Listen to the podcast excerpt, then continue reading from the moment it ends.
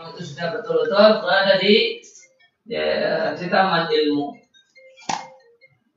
Waqad kanu qadiman fi quyudin yadillu li fiha syushud dahai.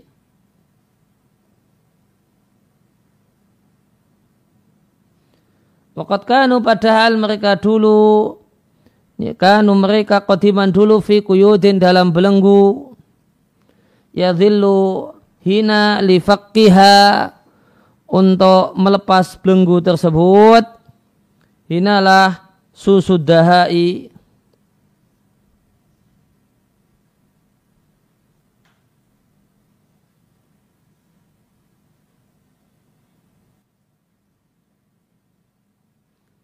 Sausu atau susun sombong kesombongan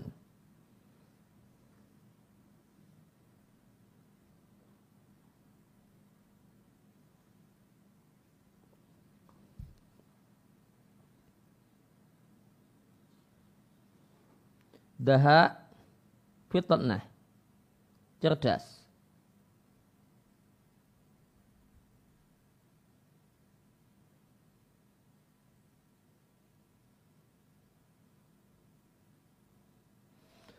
Tahalat bisuyuhi maka taman ilmu tersebut atau orang yang berada di taman ilmu itu menggantikan orang-orang yang sudah tua Ida tabaddau jika mereka telah hancur dan binasa artinya telah meninggal dunia.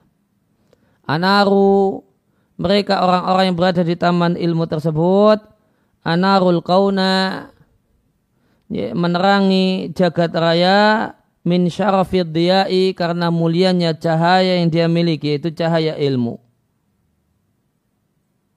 Syuyukhun bil ma'arifi orang tua karena telah menjadi syekh, telah menjadi orang tua bil ma'arifi karena ilmu, bukan karena usia.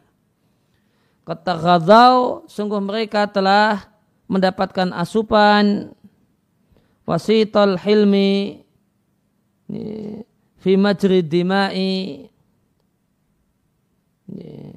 intinya sikap hilm hilm itu tidak lagi meledak-ledak non orangnya tenang, tidak mudah emosi, tidak punya uh, tidak mudah marah-marah. Dan sifat ini fi dimai ada di pembuluh-pembuluh darah. Lahum fil ilmi mereka itu dalam ilmu saulatun wa saulat eh, makna asalnya serangan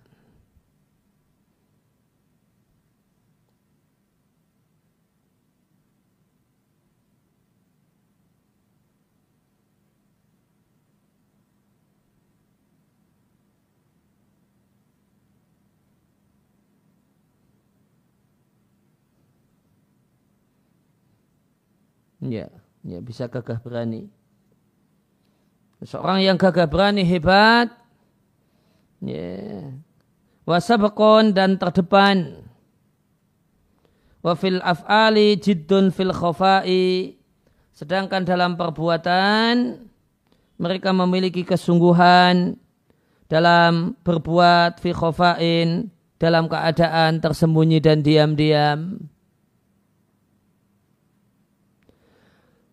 Wafiha dan di taman ilmu tersebut atau libuna ya, di halaman 17 Wafiha atau libun maka di taman ilmu terdapat orang-orang yang mencari. Idza ghasyauha ketika mereka para pencari itu mendatangi taman ilmu atharul miska maka mereka membangkitkan kasturi min husnul bahai karena demikian cantiknya, baha indah, husni indah. Tarahum nahwaha yas'auna jahda. Engkau lihat mereka orang-orang yang mencari ilmu, nahwaha datang mendatangi berjalan nahwaha menuju taman ilmu yas'auna bersusah payah jahdan mencurahkan kesungguhan roja al-manni mengharapkan anugerah yaitu anugerah ilmu awil akhdil fidai atau ya, mengambil tebusan dan ya, dan atau menda, uh, mengambil tebusan.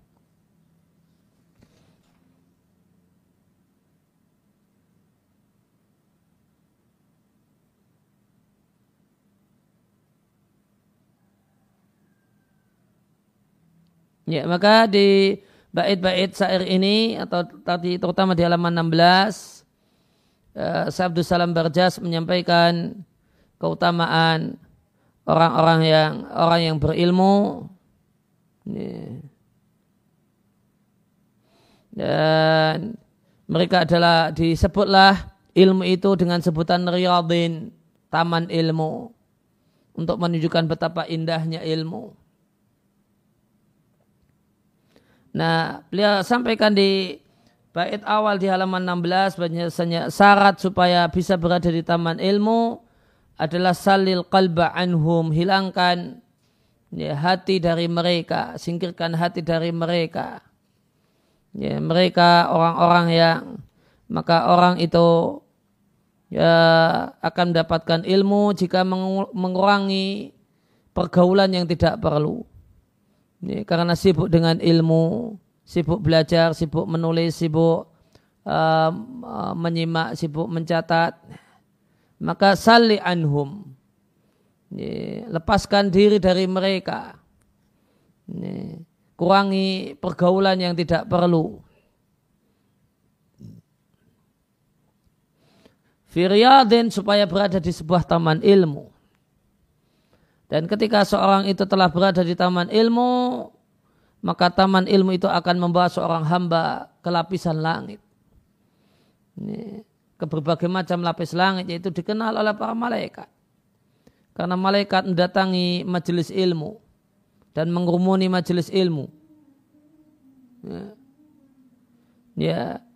Kemudian uh, tasmu bil wadi'i ilal ma'ali Orang yang rendah karena fisiknya, karena kekurangan fisik, karena kemiskinan. Sebagaimana kemarin kita bahas tentang miskin ya.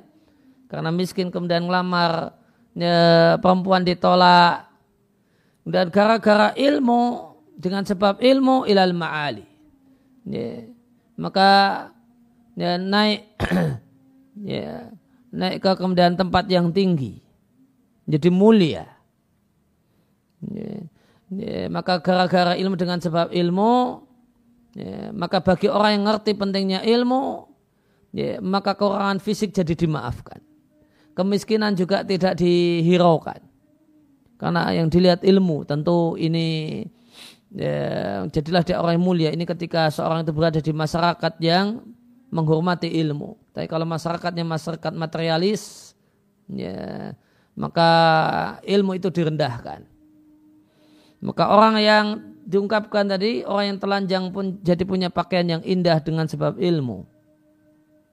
Kemudian di antara manfaat ilmu, seorang itu punya martabat yang tinggi. Ya, martabat yang tinggi didapatkan karena sebab ilmu. Allah mendirikan derajat orang yang berilmu di dunia dan di akhirat. Karena sebab ilmu, maka nama seorang itu abadi. Tuhyi rasmahu tulal baqai. Nama orang yang berilmu itu abadi. Lihat nama para pejabat, Nah, orang-orang para raja hilang nama mereka kecuali orang-orang yang jahat ya. pejabat yang jahat ya, yang punya kenangan-kenangan jelek ya. raja-raja yang kejam nah, itu yang yang awet diingat ya. namun yang lain hilang tenggelam di telan bumi namun mereka orang-orang yang berilmu para ulama nama mereka abadi kemudian taman itu adalah riyadun riyadun bil ma'arifi. Ada taman pengetahuan.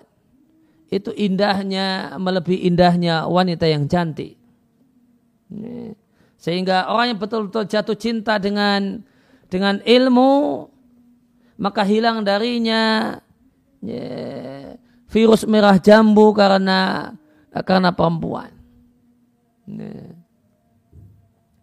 Ya, bahasa yang lainnya ketika di antara indikator yang menunjukkan kalau seorang itu sangat-sangat sangat-sangat cinta ilmu itu sampai nggak kepikiran perempuan.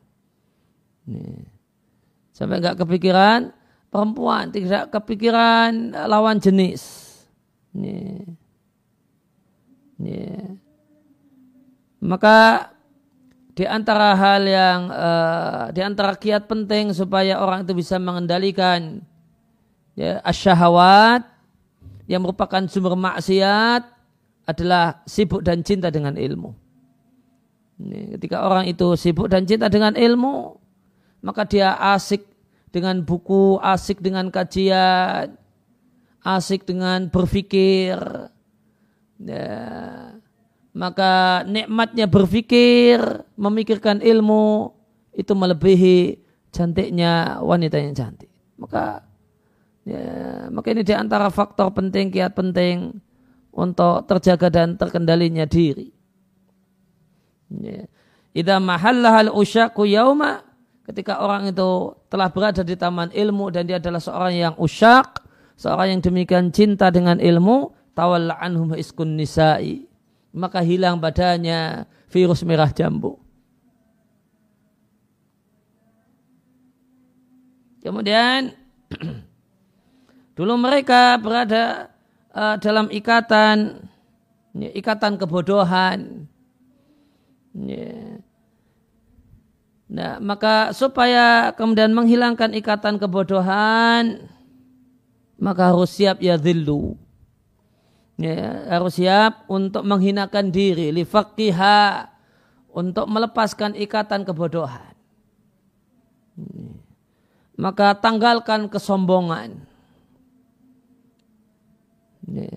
Maka kemudian mau menghinakan diri dengan uh, uh, sebagai murid untuk belajar untuk duduk di bawah untuk hormat dengan gurunya Ya, karena siapa orang yang punya adab, dialah orang yang berat untuk uh, menjadi orang yang berilmu.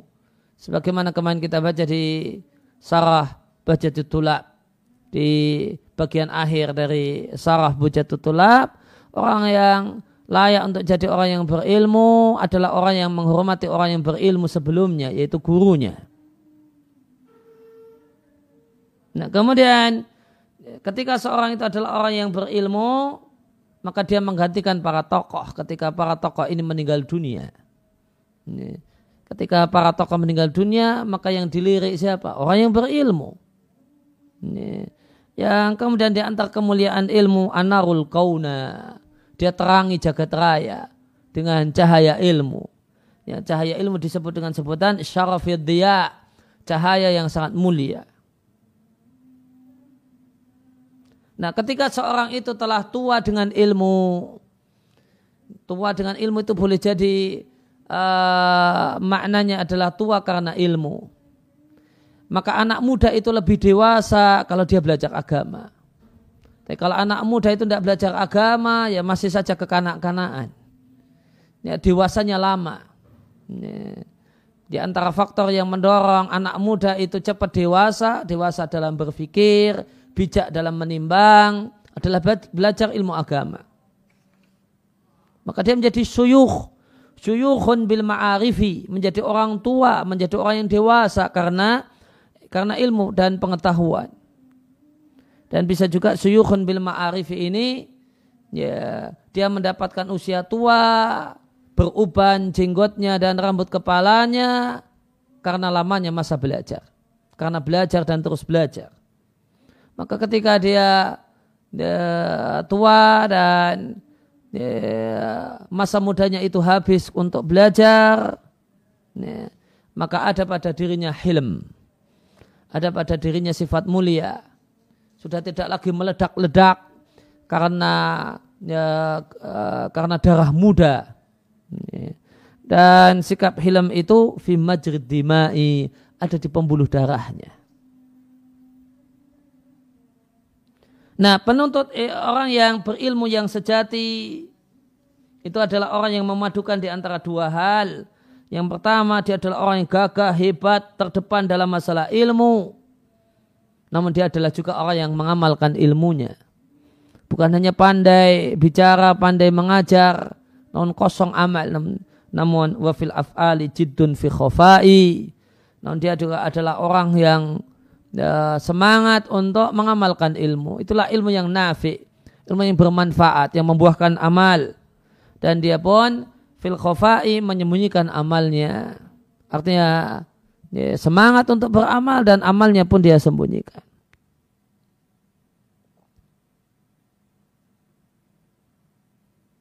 Wa fiha at-talibuna idza Dan di taman ilmu ini terdapat orang-orang yang mencari ilmu.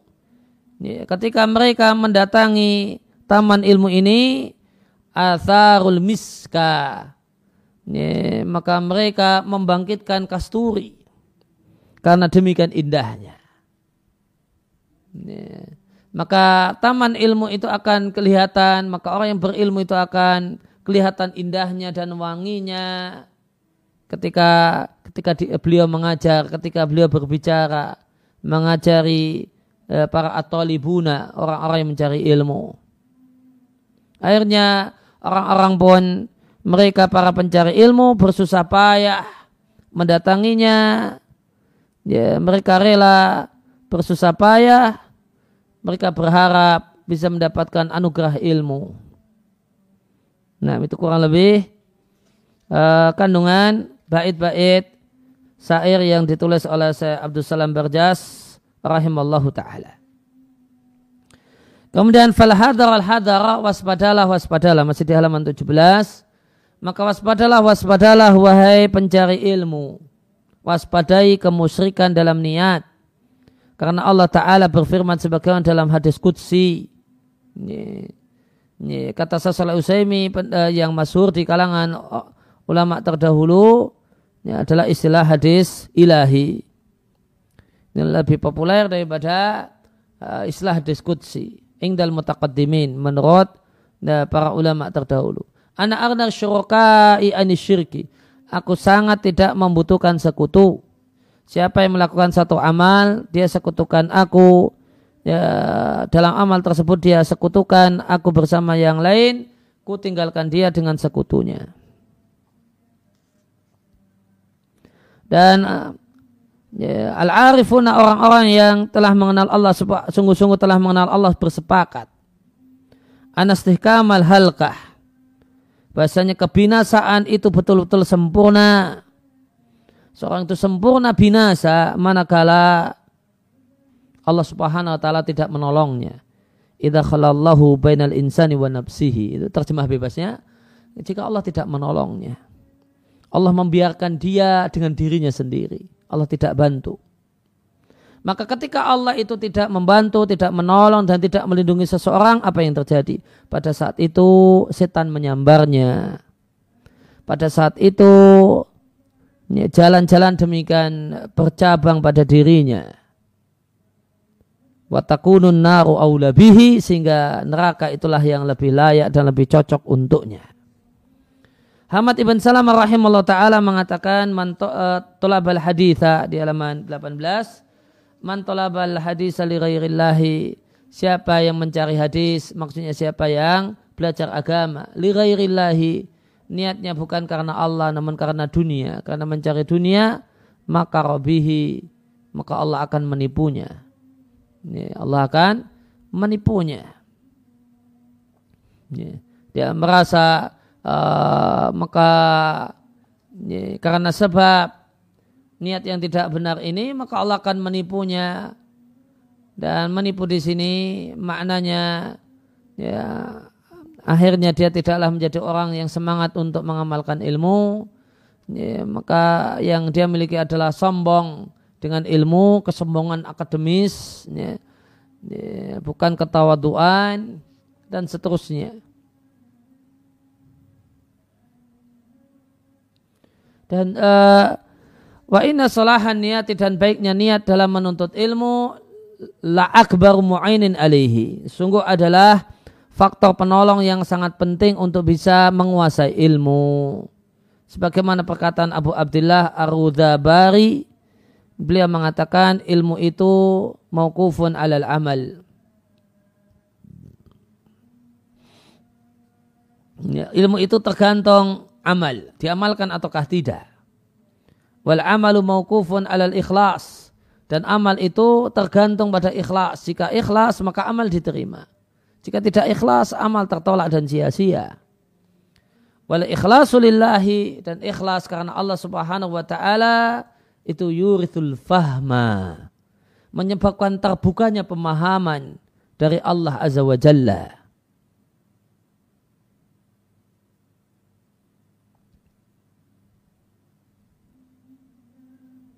Ya, maka ketika seorang itu ikhlas dalam amalnya dan ikhlas dalam belajarnya, maka Allah akan bukakan pemahaman. Sehingga tadi disampaikan, ya, baiknya niat itu adalah faktor penting untuk bisa menguasai ilmu. Karena pemahaman itu terbuka disebabkan ikhlas. Dan yang dicari orang dengan belajar itu terbukanya pemahaman. Sedangkan kegiatan belajar itu hakikatnya adalah upaya dan sebab agar Allah membukakan pemahaman. Sedangkan kunci ilmu sendiri itu adalah dibukakan pemahaman oleh Allah Subhanahu wa taala.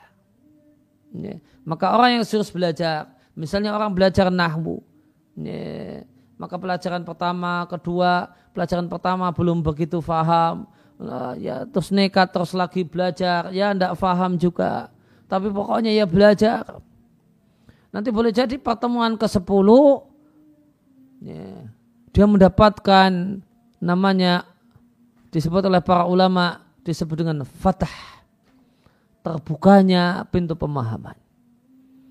Maka di di step yang ke sepuluh tiba-tiba dia faham pertemuan satu sampai sepuluh itu. Karena Allah lihat kesungguhannya dalam belajar, ya, maka Allah bukakan pintu pemahaman. Terbukanya pintu pemahaman. Dan di antara faktor agar pintu pemahaman itu cepat terbuka adalah al-ikhlasu lillahi azza wa jalla, adalah ikhlas karena Allah subhanahu wa ta'ala. Dalam sunan ad-darimi dari Ibrahim an-Nakhai, beliau ulama tabi'in, beliau mengatakan siapa yang mencari sedikit saja dengan ilmu, mencari ilmu, ya betaribi wajah Allah dan dia mencari wajah Allah dengannya, yaitu ikhlas karena Allah subhanahu wa ta'ala, maka Allah akan berikan badannya dari ilmu mayakfihi yang cukup baginya.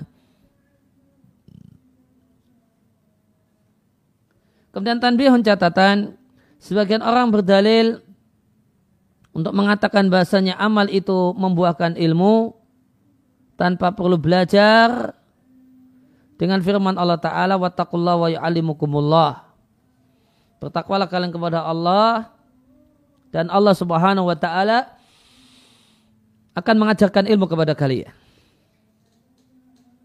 Ya, maka ini dinilai uh, pemahaman uh, dinilai oleh penulis sebagai pemahaman yang tidak tepat dan untuk mendukung uh, kesimpulan ini beliau kutip perkataan penulis tafsir Al-Manar. Siapa itu penulis tafsir Al-Manar? Saya Muhammad uh, Sayyid Muhammad Rashid Ridha. Beliau Sayyid. Dia, dia keturunan Nabi. Sayyid Muhammad Rashid Ridha. Naklan an syekhihi menukil perkataan gurunya. Siapa gurunya? Syekh Muhammad Abdu.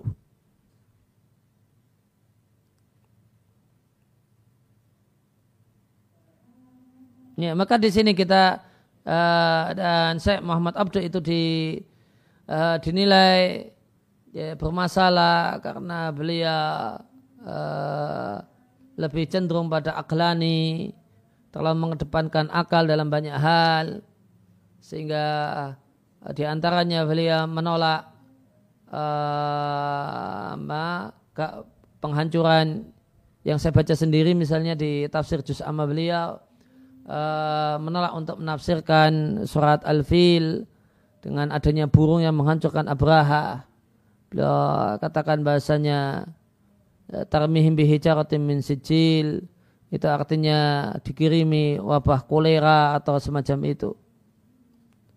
Ini. Maka di sini kita uh, jumpai pelajaran ya, faedah penting dalam masalah bersikap. Bahasanya mengutip dari orang yang bermasalah itu bukan berarti memberikan ya, rekomendasi terhadap orang tersebut secara total. Namun memberikan rekomendasi untuk kutipannya saja. Kutipan beliau perkataan beliau ini bagus menurut Syekh Abdul Salam Barjas. Dan beliau Syekh Abdul Salam Barjas uh, bagi ya, terkenal sebagai seorang yang kokoh dalam masalah semacam ini. Namun meskipun demikian kita lihat Syekh Abdul Salam Barjas mengutip perkataan Syekh Muhammad Abdul Rahimallahu Rahimallahul Jami' ya, maka apakah bisa disimpulkan bahasanya Syekh Salam Barjas uh, merekomendasi Syekh Muhammad Abdul secara total dalam semua perkataannya dan semua bukunya? Ya, tentu jawabannya tidak. Ya, maka hal ini menunjukkan ada bahasanya ketika mengutip satu kutipan yang dinilai bagus itu bukan berarti rekomendasi terhadap uh, pemilik kutipan. Ya, namun itu rekomendasi untuk kutipan itu saja. Kutipan ini bagus. Dan perbuatan Syabdu Salam Barat memberikan pelajaran kepada kita tidak masalah. Bagi orang yang punya ilmu, ya, ini bagi yang punya ilmu tidak masalah mengutip, membaca, kemudian mengambil faedah dari ya, perkataan ya, sebagian orang yang uh, bermasalah dalam sisi ya, dalam sisi jalan beragamanya. Ya, beliau katakan, ya, saya Muhammad Abdurrahim Allah Ta'ala menyampaikan, telah populer pada lisan orang-orang yang mengaku sufi. Fi makna jumlah ini berkenaan dengan makna dua kalimat berikut ini di halaman 19 wattaqullah wa yu'allimukumullahu. Ini bertakwalah kalian pada Allah dan Allah akan mengajari kalian. Maka ayat ini dimaknai menurut orang-orang yang mengklaim dirinya sebagai orang sufi. Ya, maka di sini saya Muhammad Abdul tidak mengakui kesufian orang tersebut. Ya, karena dia tidak berada dalam jalan uh, jalan kesufian sebagaimana jalan tokoh-tokoh sufi yang terkenal dan mereka adalah orang-orang yang lurus. Bahasanya takwa itu menjadi sebab mendapatkan ilmu. Lantas asumsi ini punya derivat. Banau ala dalika. Mereka bikin derivat dari hal ini. Bahasanya mengikuti tarekat mereka itu tarekat sufiyah dan apa yang mereka lakukan fiha dalam tarekat sufiyah minariyadhah yaitu olah jiwa kemudian membaca wirid membaca hizab. Ya hizab makna aslinya ya, hizab itu istilah yang ada di hadis. Ya, hizab makna aslinya adalah amal rutin harian. Amal rutin harian itu hizab. Boleh jadi sholat boleh jadi dikir bisa jadi amal soleh yang lainnya. Sedekah ya dia pokoknya setiap hari saya sedekah. Nah, ini disebut hizab. Dan aurat ya, jamak dari wirdon dan yang dimaksud dengan wirdon ya, makna asal dari wirdon adalah amal rutin harian. Baik itu zikir atau yang lainnya. Tidak harus zikir yang penting amal rutin harian Amal sholat rutin harian. Bisa jadi bentuknya sholat. Bisa jadi baca Quran. Itu wiridnya.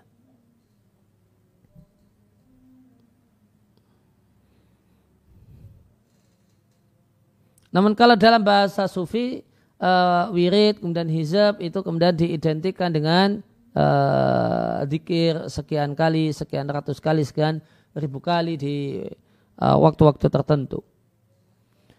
Nah, maka melakukan berbagai macam uh, olah jiwa yang ada dalam tarekat itu membuahkan ilmu ketuhanan yaitu ilmu agama. Biduni ta'alum tanpa belajar. Maka pendalilan mereka dengan ayat ini dibantah dari dua sisi. Yang pertama, niat tafsiran semacam ini tidak diridai oleh si bawai dan beliau, uh, dan beliau punya hak dalam masalah ini. Karena ini dari sudut pandang bahasa. Karena atap yu'alimukum dengan itakullah yunafi ayakuna jaza'an lahu Karena ini pakai pakai waw atof. Kalau pakai waw atof berarti meniadakan. Meniadakan kalau yu'alimukum itu balasan dan dampak atau buah dari itakullah. Murtabatan alaihi dampak. Jazaan lahu balasan, murtaban alaihi dampak. Dampak dari bertakwa. Enggak tepat. Kenapa? Karena ataf itu yang tadi mengharuskan al-mughayyarata hal yang berbeda.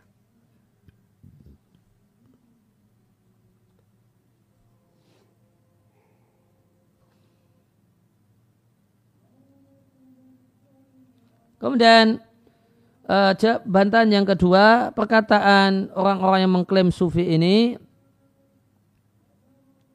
Ibaratun adalah menjadikan musabab sebagai sebab, menjadikan cabang sebagai pokok, menyebabkan konklusi sebagai premi. Dan ini artinya kebalik.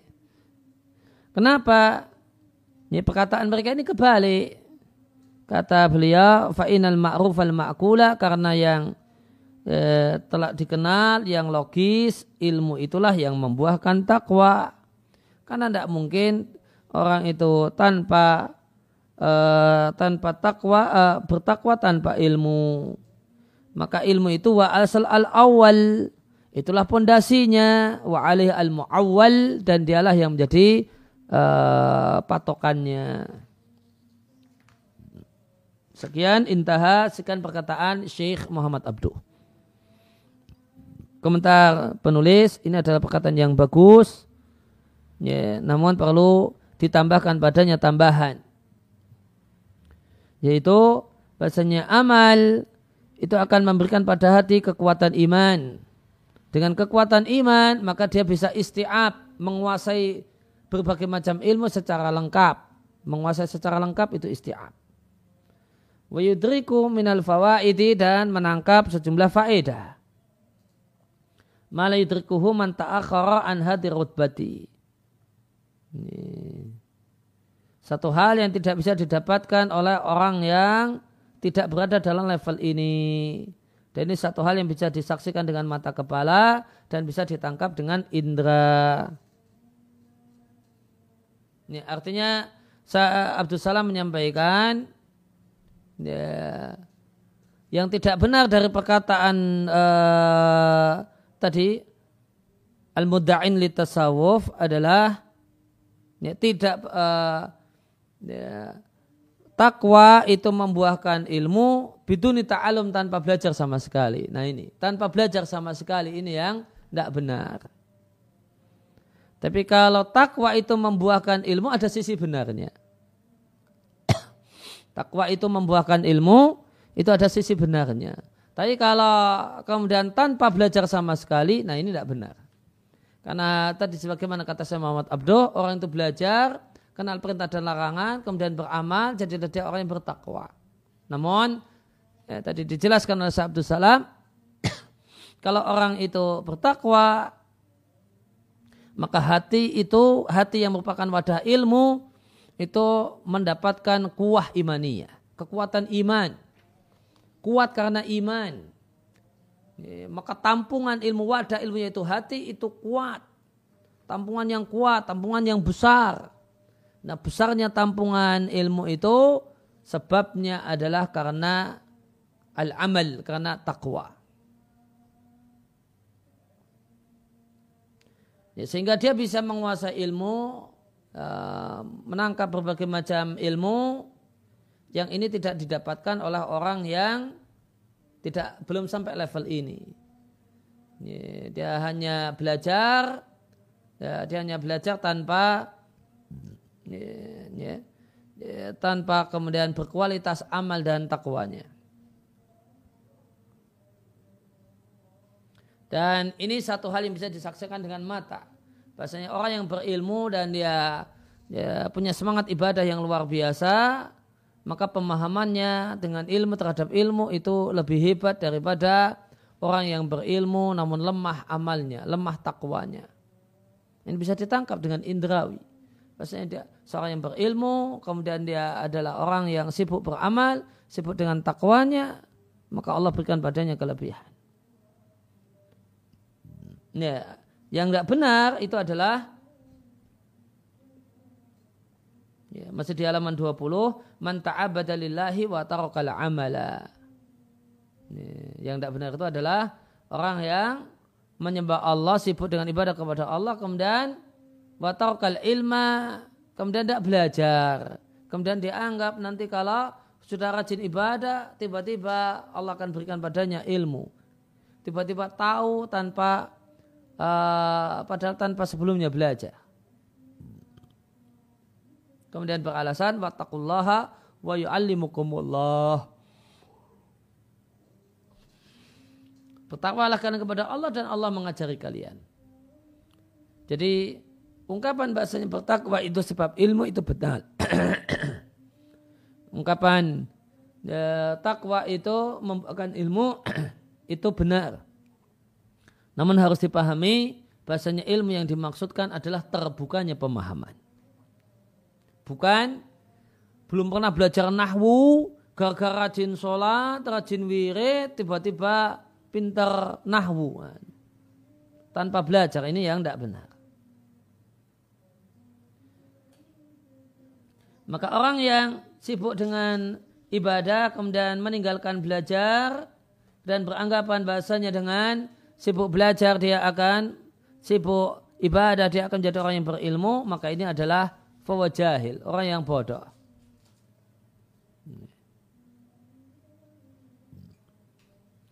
La tujarihi arwa'a fi jahlihi. Dia tidak bisa disaingi oleh orang-orang awam dalam kebodohannya.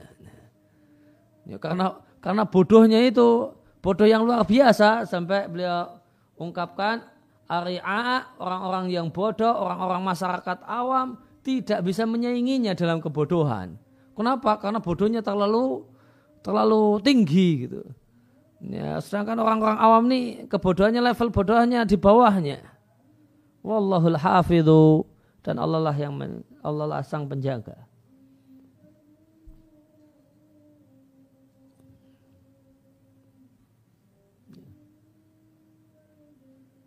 Yeah. Dan uh, namun perlu diketahui bahasanya ungkapan bahasa memaknai ayat wa taqwa wa ya'limukumullah bertakwalah kalian pada Allah dan Allah akan mengajari kalian. Ini mengandung uh, muatan bahasanya. Siapa yang bertakwa dan beramal maka Allah akan bukakan ilmu untuknya. E, penjelasan semacam ini juga dipakai oleh uh, Syekh Fauzan di muqaddimah kitab beliau Al-Mulakhas Al-Fiqhi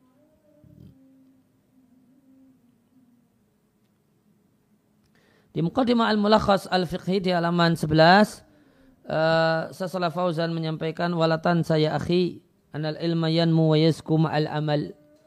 Ya, Wahai saudaraku janganlah engkau lupa bahasanya ilmu itu berkembang dan berkembang. Jika ilmu tersebut diamalkan faida amil tabi ma'alim tak maka jika anda mengamalkan ilmu yang telah anda ketahui zadakallahu ilma. Maka Allah akan tambahkan ilmu padamu yaitu ilmu di sini maknanya terbukanya pemahaman. Bukan mendapatkan tiba-tiba tanpa belajar mendapatkan ilmu baru yang belum pernah dipelajari sama sekali. Sebagaimana uh, pesan hikmah mengatakan, Man amila bima alima awrasahullahu ilma ma lam ya'lam. Barang siapa yang mengamalkan ilmu yang telah dia ketahui, Allah akan berikan padanya ilmu tentang hal-hal yang belum dia ketahui. Ada kata bijak mengatakan demikian, kata saya Salah Fauzan, wa yashhadu lidzalika qauluhu ta'ala dan dalil untuk kalimat ini, kata hikmah ini adalah firman Allah Ta'ala, wattaqullaha wa ya'limukumullah wallahu bikulli syai'in alim.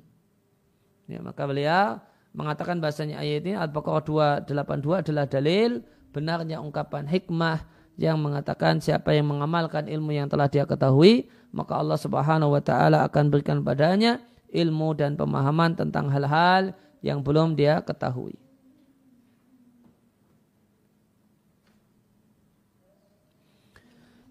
Ya, kemudian uh, ikhwatal iman rahimani wa rahimakumullah ya, penghalang untuk mendapat sukses menjadi penuntut ilmu yang kedua adalah tidak mau mengamalkan ilmu.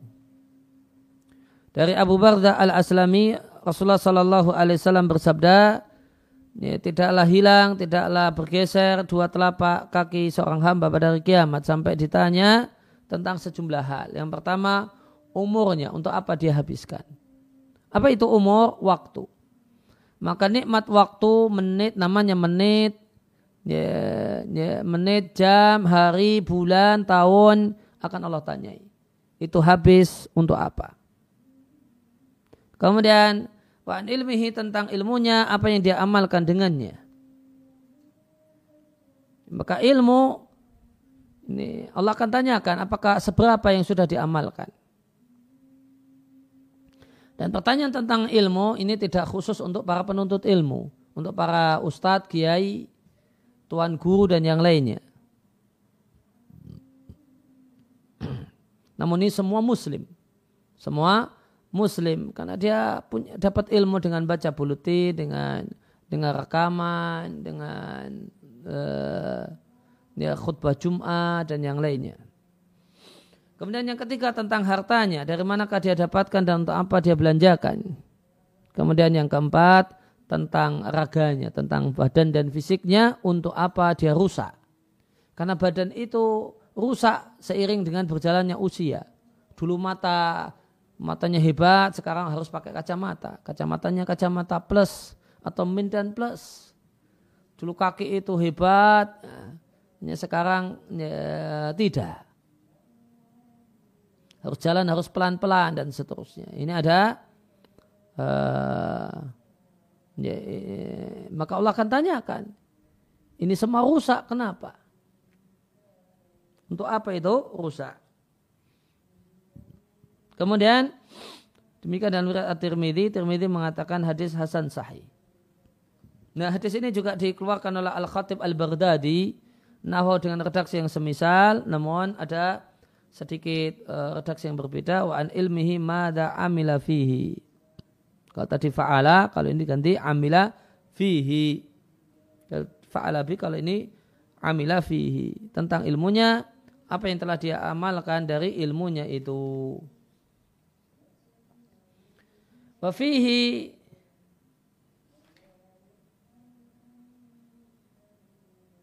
dan dalam uh, kitab Al-Khatib Al-Baghdadi yang judulnya Iqtida'il Ilmi Al-Amal dari Abu Darda radhiallahu anhu, Abu Darda sahabat Nabi mengatakan seorang itu tidak akan jadi orang yang berilmu sampai menjadi pelajar terlebih dahulu. Maka untuk jadi orang yang berilmu ya belajar dulu. Wala takunu bil ilmi alima hatta takuna bihi amila. Dan seorang itu tidaklah dianggap bernilai berilmu, ya, mengetahui ilmu sampai dia mengamalkan ilmu. Ini di ya, kita pindah di halaman 22. Maka seorang itu dianggap betul-betul berilmu, manakala ilmu itu bukan hanya teori di ruang kelas, teori ngajar di di masjid dan yang lainnya. Namun seorang itu dikatakan betul-betul berilmu ketika dia mengamalkannya. Artinya, kenapa demikian? Karena orang yang mengetahui bahasanya ini satu hal yang bermanfaat bahkan sangat bermanfaat, maka akal sehat mengatakan dia akan jadi orang yang pertama kali mengamalkannya.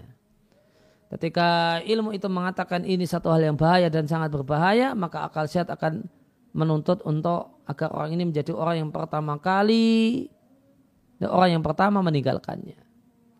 Sehingga ilmu itu adalah betul-betul ilmu manakala diamalkan. Ya, mengamalkan perintah dengan jalankan perintah, mengamalkan larangan dengan meninggalkan larangan, mengamalkan berita dengan meyakininya. Kemudian masih di uh, kitab Iqtida al-Ilmi al-Amal dari Ali radhiallahu anhu Ali mengatakan bahasanya ilmu itu memanggil-manggil amal jika amal meresponnya, maka ilmu tidak akan pergi. Wa illa jika ternyata amal tidak mau merespon panggilan ilmu, irtahala, ilmu itu akan pergi dan kabur. Maka perkataan Ali ini menunjukkan bahasanya ilmu itu adalah sebab awetnya, amal adalah sebab awetnya ilmu. Dan tidak mengamalkan ilmu itu sebab uh, tidak awetnya ilmu.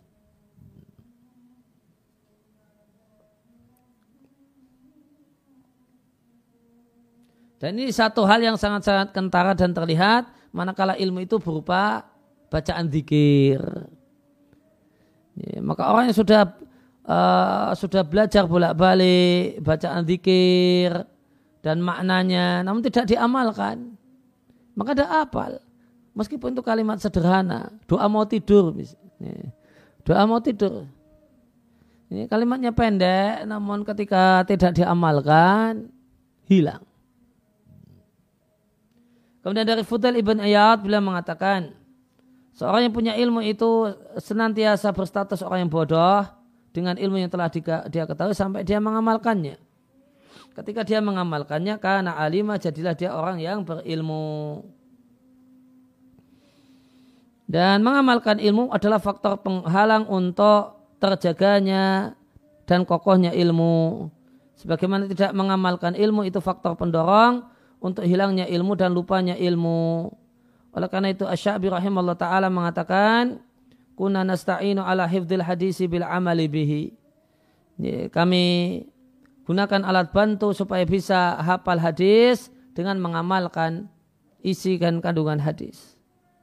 Wa kunna nasta'inu ala talabi bis saumi dan kami uh, minta tolong untuk supaya bisa menuntut ilmu saumi dengan rajin puasa. Karena rajin, kalau ketika seorang itu rajin puasa, maka dia tidak rajin makan. Kalau tidak rajin makan, maka banyak waktu yang bisa dipakai untuk menuntut ilmu dan belajar. Maka beliau katakan, di antara faktor seorang itu bisa uh, maksimal dalam menuntut ilmu dan belajar adalah rajin puasa. Dengan rajin puasa, maka pengeluaran lebih ngirit, ya, nanti bisa dipakai duitnya bisa dipakai untuk beli kitab ya, bisa untuk keperluan belajar.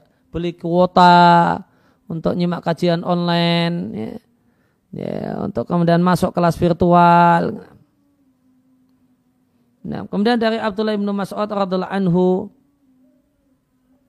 beliau mengatakan sungguh aku menyangka yaitu aku yakin seorang itu lupa ilmu karena ya'lamu yang dulu dia ketahui karena sebab dosa yang pernah dia lakukan. Oleh karena itu maka da'abus salafi salihi kebiasaan salafus saleh dalam mengamalkan ilmu. Dengan hal tersebut yaitu mengamalkan ilmu mereka mendapatkan kosobatis sebaki ini, ya, apa, tongkat estafet orang yang terdahulu. Kosbus sebaki itu seperti lomba lari, ini, lomba lari namun uh, pakai estafet, lari estafet. Ini, maka estafet satu itu pelarinya A. nanti kemudian estafet dua pelarinya B. Maka apa yang dilakukan oleh A akan menyerahkan tongkat estafet kepada B. Supaya B melanjutkan uh, perlombaannya, lomba lari estafet tadi. Ya. Maka sabak itu artinya yang pertama, yang terdepan. Nah seorang itu mendapatkan tongkat estafet terdepan dalam ilmu sebabnya adalah karena rajin beramal dengan ilmu. Dan dengan sebab mengamalkan ilmu maka diberkailah ilmu. Oleh karena itu Abu Abdurrahman As-Sulami rahimahullah ta'ala mengatakan ini, telah bercerita kepada kami orang-orang yang kanu yukri'unana. mereka orang-orang yang membacakan dan mengajarkan ilmu kepada kami. Bahasanya mereka ya, belajar dari Nabi Shallallahu Alaihi belajar Quran dari Nabi Shallallahu Alaihi dan adalah mereka jika belajar 10 ayat maka mereka tidak tinggalkan 10 ayat tersebut sampai mereka mengamalkan isinya sehingga fata'alamna al-Qur'ana wal amala jami'a kami belajar Al-Quran dan mengamalkan Al-Quran jami'an dua-duanya. Ya, kemudian Ya, ikhwatal iman rahimani wa rahimakumullah masih di halaman 23. Disampaikan oleh penulis bahasanya tidak mengamalkan ilmu ada dua macam. Yang pertama tidak itimar melaksanakan hal yang wajib menurut syariat. Ya, dan tidak berhenti dari hal-hal yang haram menurut syariat. Ya. Maka tidak mengamalkan ilmu dalam artian tidak melaksanakan kewajiban dan tidak meninggalkan larangan. maka ini adalah salah satu bentuk dosa besar. Wa alaihi dan dengan pengertian ini tuhmal dimaknai dan ditafsirlah berbagai macam ayat dan hadis yang berisi ancaman untuk orang yang meninggalkan mengamalkan ilmu. Kemudian macam yang kedua dalam meninggalkan hal-hal yang mustahab watarku bil makruhat dan meninggalkan dan tidak menjauhi hal-hal yang makruh. Maka orang semacam ini boleh jadi dicela namun tidak termasuk dalam hadis-hadis berisi ancaman. Ila akan tetapi seorang yang berilmu dan penuntut ilmu sepatutnya keduanya adalah rutin mengerjakan hal-hal yang sunnah dan menjauhi hal-hal yang makruh. Wallahu a'lam. Ada catatan kaki. Basatul kalama aku menjelaskan panjang lebar masalah ini pentingnya melakukan ibadah-ibadah yang hukumnya sunnah dan meninggalkan hal-hal yang makruh di kitabnya Syekh Abdul Salam Barjas berjudul Dorotul Ihtimam uh, syar'iyati uh, ilman wa amala. Ibnu Jauzi rahimahullah taala mengatakan miskin kulal miskin. Miskin di sini artinya orang yang patut dikasihani.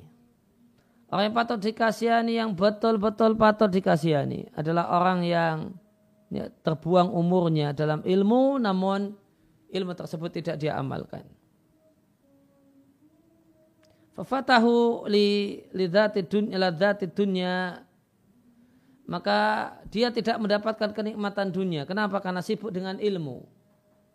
Teman-temannya pada hura-hura, senang-senang, pada gonta-ganti pacar, dia sibuk dengan buku, sibuk belajar. Maka hilang darinya kenikmatan dunia. Namun karena ilmu itu sekedar dipelajari, tidak diamalkan, maka lanjutannya dia juga kehilangan nikmat akhirat. Maka dia kehilangan nikmat akhirat. Ini tentu satu hal yang sangat-sangat merugi. Rugi dunia, rugi akhirat. Gak dapat nikmat dunia, gak dapat nikmat akhirat. Faqadima muflisa. Maka datanglah dia menghadap Allah subhanahu wa ta'ala dalam keadaan bangkrut. Ma'akwatil hujati alaihi. Dalam keadaan dia memiliki hujah alaihi memiliki hal yang akan menuntutnya yaitu memiliki ilmu yang akan menuntutnya kenapa aku tidak diamalkan kenapa aku tidak dipraktekkan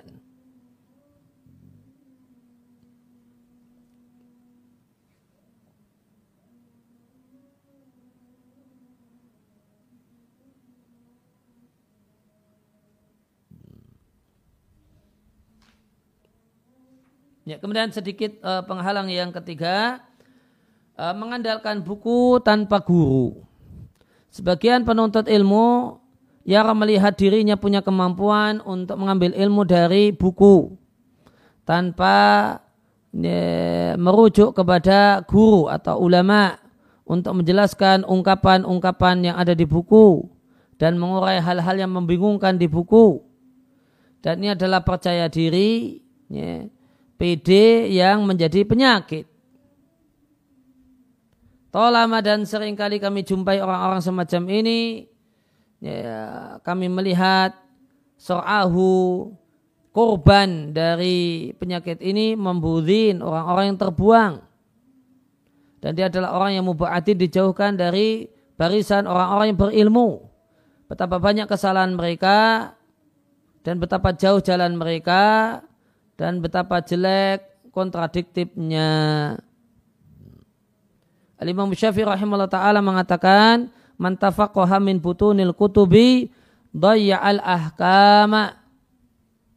Ya, siapa yang ya, belajar namun dari perut-perut buku yaitu semata-mata uh, ya, mentelaah buku maka dia menelantarkan berbagai macam hukum banyak hukum yang tidak dia ketahui.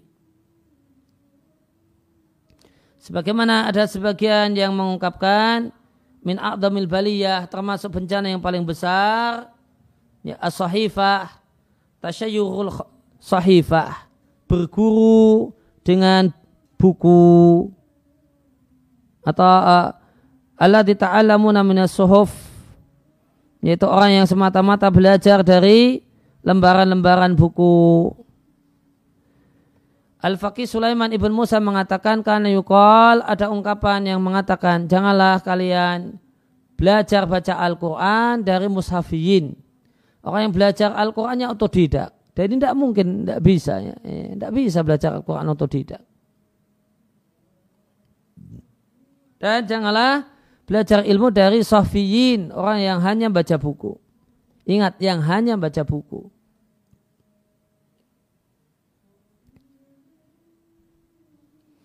Ya, Al-Imam Sa'id bin Abdul Aziz At-Tanuhi dan dia adalah orang yang dalam ilmu dan yang lainnya setara dengan Auza'i uh, mengatakan ada ungkapan yang mengatakan janganlah kalian ambil ilmu dari sahfi dari orang yang hanya belajar dari dari buku janganlah kalian ambil dan belajar Al-Quran dari mushafi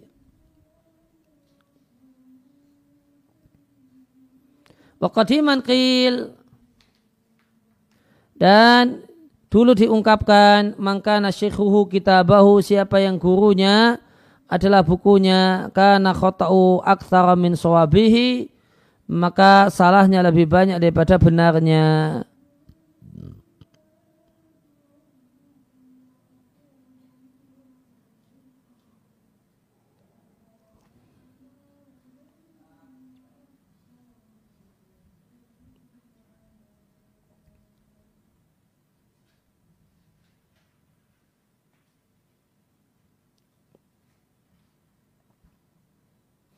Ya, walakot asana Abu Abu Hayyan An-Nahwi. Sungguh telah bagus ungkapan yang disampaikan oleh Abu Hayyan seorang pakar nahwu ketika beliau mengatakan ya dunu al khamru ya, orang yang awam orang yang tidak tahu mengira bahasanya annal kutbah tujdi bahasanya buku itu bermanfaat. Akal fahmin untuk orang yang punya pemahaman li idrakil ulumi untuk memahami ilmu. Wa man yadril jahulu bi anna fiha namun orang yang bodoh tersebut tidak mengetahui bahasanya di buku itu terdapat ruwamidha hal-hal yang samar hayyarat aklal fahimi yang membuat bingung akal orang yang memiliki pemahaman. Idza rumtal uluma bi ghairi jika engkau menginginkan ilmu tanpa guru, dolal ta'anis siratil mustaqimi, maka engkau akan terlantak, akan tersesat dari jalan yang lurus. Watal tabisul umur alaika hatta takuna adalla min tumal hakimi. Dan berbagai macam perkara itu taltabis membuat engkau bingung. Berbagai macam perkara itu taltabisu alaik membuatmu bingung sehingga engkau jadilah engkau lebih tersesat daripada Tuma Al-Hakim. Ya, kisah tentang Tuma Al-Hakim insyaallah akan kita uh, sampaikan di pertemuan yang akan datang. Uh, dan para ulama telah menjelaskan makna dan maksud yang karenanya seorang penuntut ilmu itu ulzima diharuskan untuk mengambil ilmu dari mulut para ulama. Di antaranya dalam perkataan Ibnu Battal rahimahullah taala beliau menjumpai dijumpai dalam buku berbagai hal yang menghalangi dari ilmu. Ya, wa ya ma'dumatun dan itu sesuatu yang tidak ada pada seorang guru. Apa itu yang menghalangi dari ilmu yaitu tashif. Yaitu salah baca al-arid yang terjadi karena uh, kerancuan huruf ma'adami lafzi.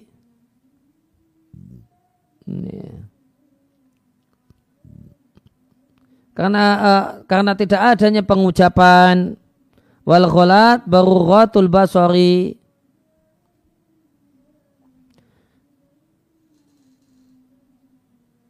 Dan kesalahan itu bururatul basar.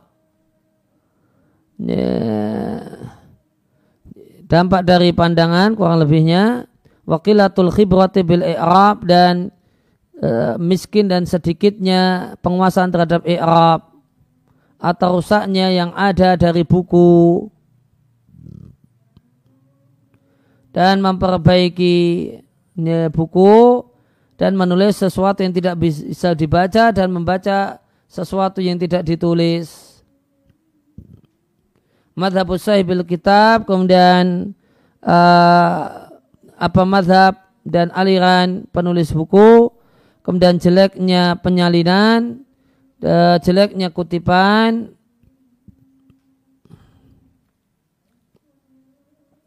Kemudian seorang pembaca menggabungkan hal-hal yang harusnya tidak digabungkan dan campur baur ya, dasar-dasar pengajaran Wadiku al-fadin dan disebutkanlah berbagai macam lafad yang memiliki makna uh, istilah dalam ilmu tersebut. Maka itu semua faktor penghalang untuk bisa memahami ilmu. Dan seorang murid itu nyaman minta kalufiha terbebani itu semua manakala dia membacanya alal mu'alimi bersama guru. Maka jika keadaannya demikian, maka membaca buku di hadapan para ulama itu lebih manfaat, lebih mulia daripada baca sendiri. Dan itulah yang kami inginkan untuk kami jelaskan. Dan uh, beliau siapa tadi? Ibnu Battal telah menyebutkan sebelum alasan ini lima alasan yang menjelaskan tentang sebab yang karenanya belajar melalui mulut para eh, para guru lebih lebih utama daripada belajar dari buku. Maka silakan lihat Sahih Ihya Ulumuddin karya Az-Zabidi ya, rahimallahu taala.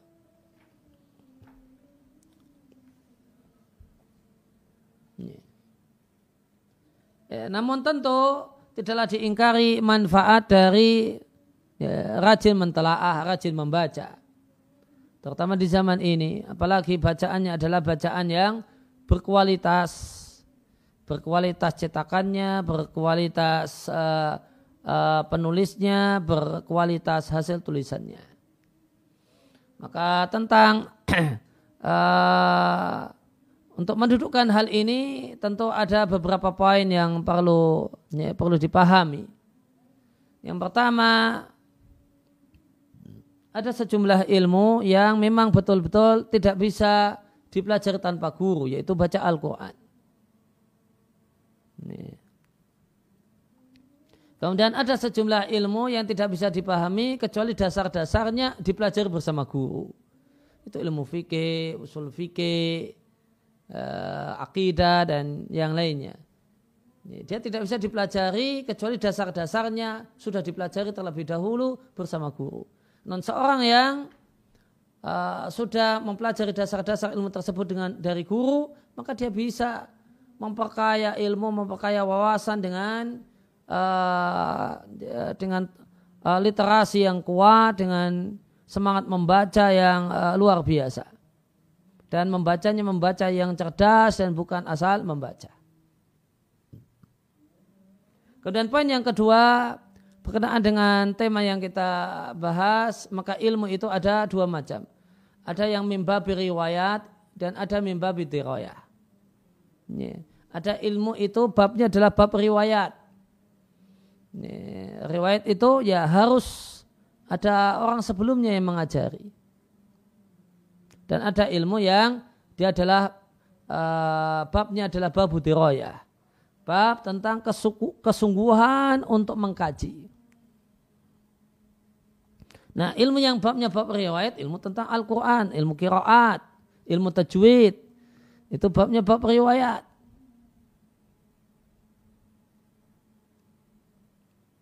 sedangkan ilmu yang babnya adalah bab diroya maka semata-mata jika cuma untuk mendapatkan ilmu, lain dengan berkahnya ilmu ya. Kalau belajar dengan guru itu ada barokah ilmu.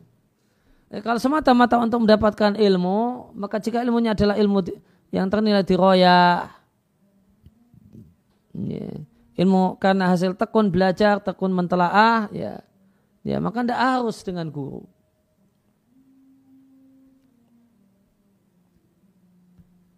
Oleh karena itu maka tadi kita baca jangan belajar Quran sama mushaf itu sangat betul. Nih, karena je, je, je, je, karena ilmu Quran bagaimana kebacaan yang benar, makhot yang benar, nah itu perlu guru yang membimbing.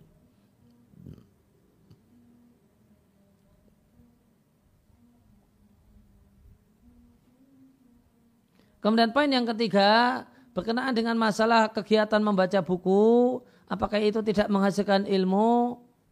Nah, maka perlu dilihat, perlu dilihat kualitas il, kualitas buku.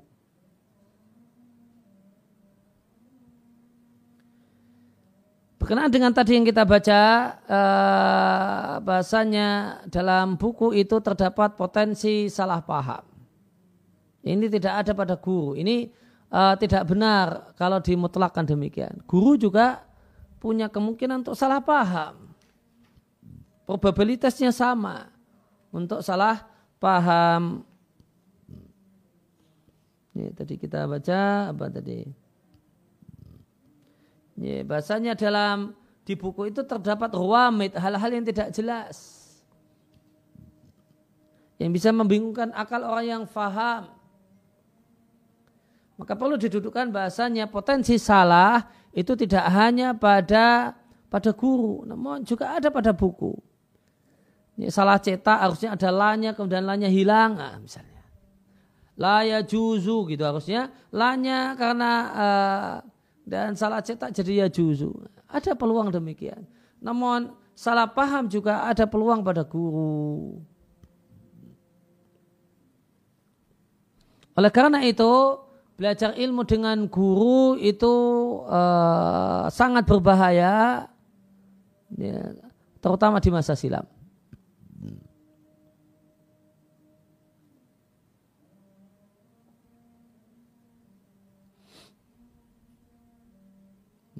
Ketika terutama ketika buku itu tidak berharokat, tidak ada uh, ya, tidak ada apa istilahnya keterangan-keterangan tambahan untuk memperjelas maksud buku. Nah ini yang maka tadi kita baca perkataan Ibnu oh bukan Ibnu Battal ya maaf apa tadi perkataan Ibnu Butulan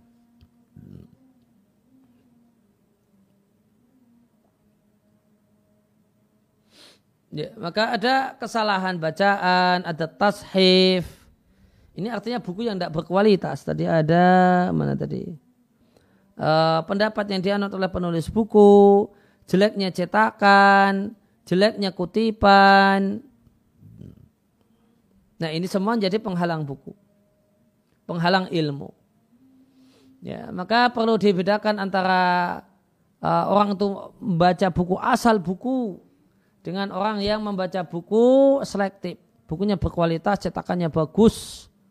Ini, kecetakannya cetakan yang berkualitas Ya, maka orang yang uh, selektif dalam memilih buku bacaan, bahan bacaan, dia hanya yang mau berkualitas, penulisnya jelas, siapakah beliau, dan apa sumbangsinya dalam dunia ilmu dan seterusnya. Itu yang dibaca, maka itu menghasilkan. Tapi kalau asal baca, orang tidak tahu ini bacaan ini berkualitas ataukah tidak, yang penting asal baca. Nah ini yang tersesat dari surat al-mustaqim. Itu uh, tiga poin uh, yang patut untuk diduka, didudukan untuk ungkapan siapa yang gurunya adalah bukunya maka salahnya lebih banyak daripada benarnya maka perhatikan ada ilmu yang memang sama sekali tidak bisa uh, tanpa bimbingan guru dan ada ilmu yang bisa dengan bimbingan guru. Kemudian ilmu itu ada ilmu babnya bab riwayat dan ada babnya bab diroya kemudian ya bedakan antara kondisi kualitas yang jelek ya semacam sakmun naskhi tadi. Nah, penyalirannya itu rusak dan jelek. Dengan buku yang berkualitas tidaklah terbit kecuali setelah melalui berbagai macam tahap penelitian dan pengkajian.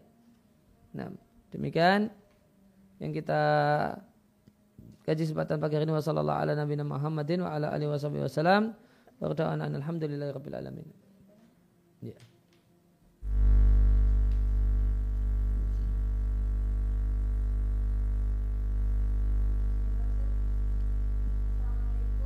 Waalaikumsalam warahmatullahi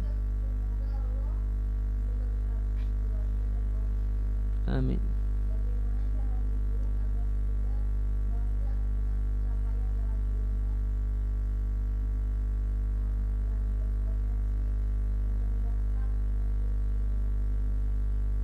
Nah, uh, ya kiat yang pokok adalah belajar adab. Adab menjadi orang yang berilmu. Ini. Karena adab orang yang berilmu inilah yang akan menghancurkan kesombongan orang-orang yang berpulang sombong dengan ilmunya. Sadari bahasanya ilmu itu membuahkan kesombongan sebagaimana harta membuahkan kesombongan. Maka kendalikan diri. Ini minta kepada Allah supaya diberi ketawaduan. Nah,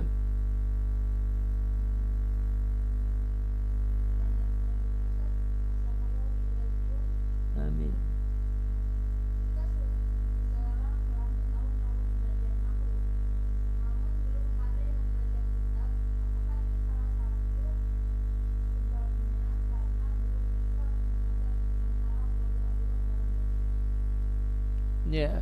Uh, maka yang pertama boleh jadi karena sebab kurang ikhlas, kurang maksimal ikhlasnya, maka luruskan niat. Kemudian yang kedua secara teknis ada kendala teknis, kurang maksimal uh, belajar uh, apa kiraatul kutub, mengikuti kelas kiraatul kutub, latihan membaca. Ada yang ngoreksi. Nah.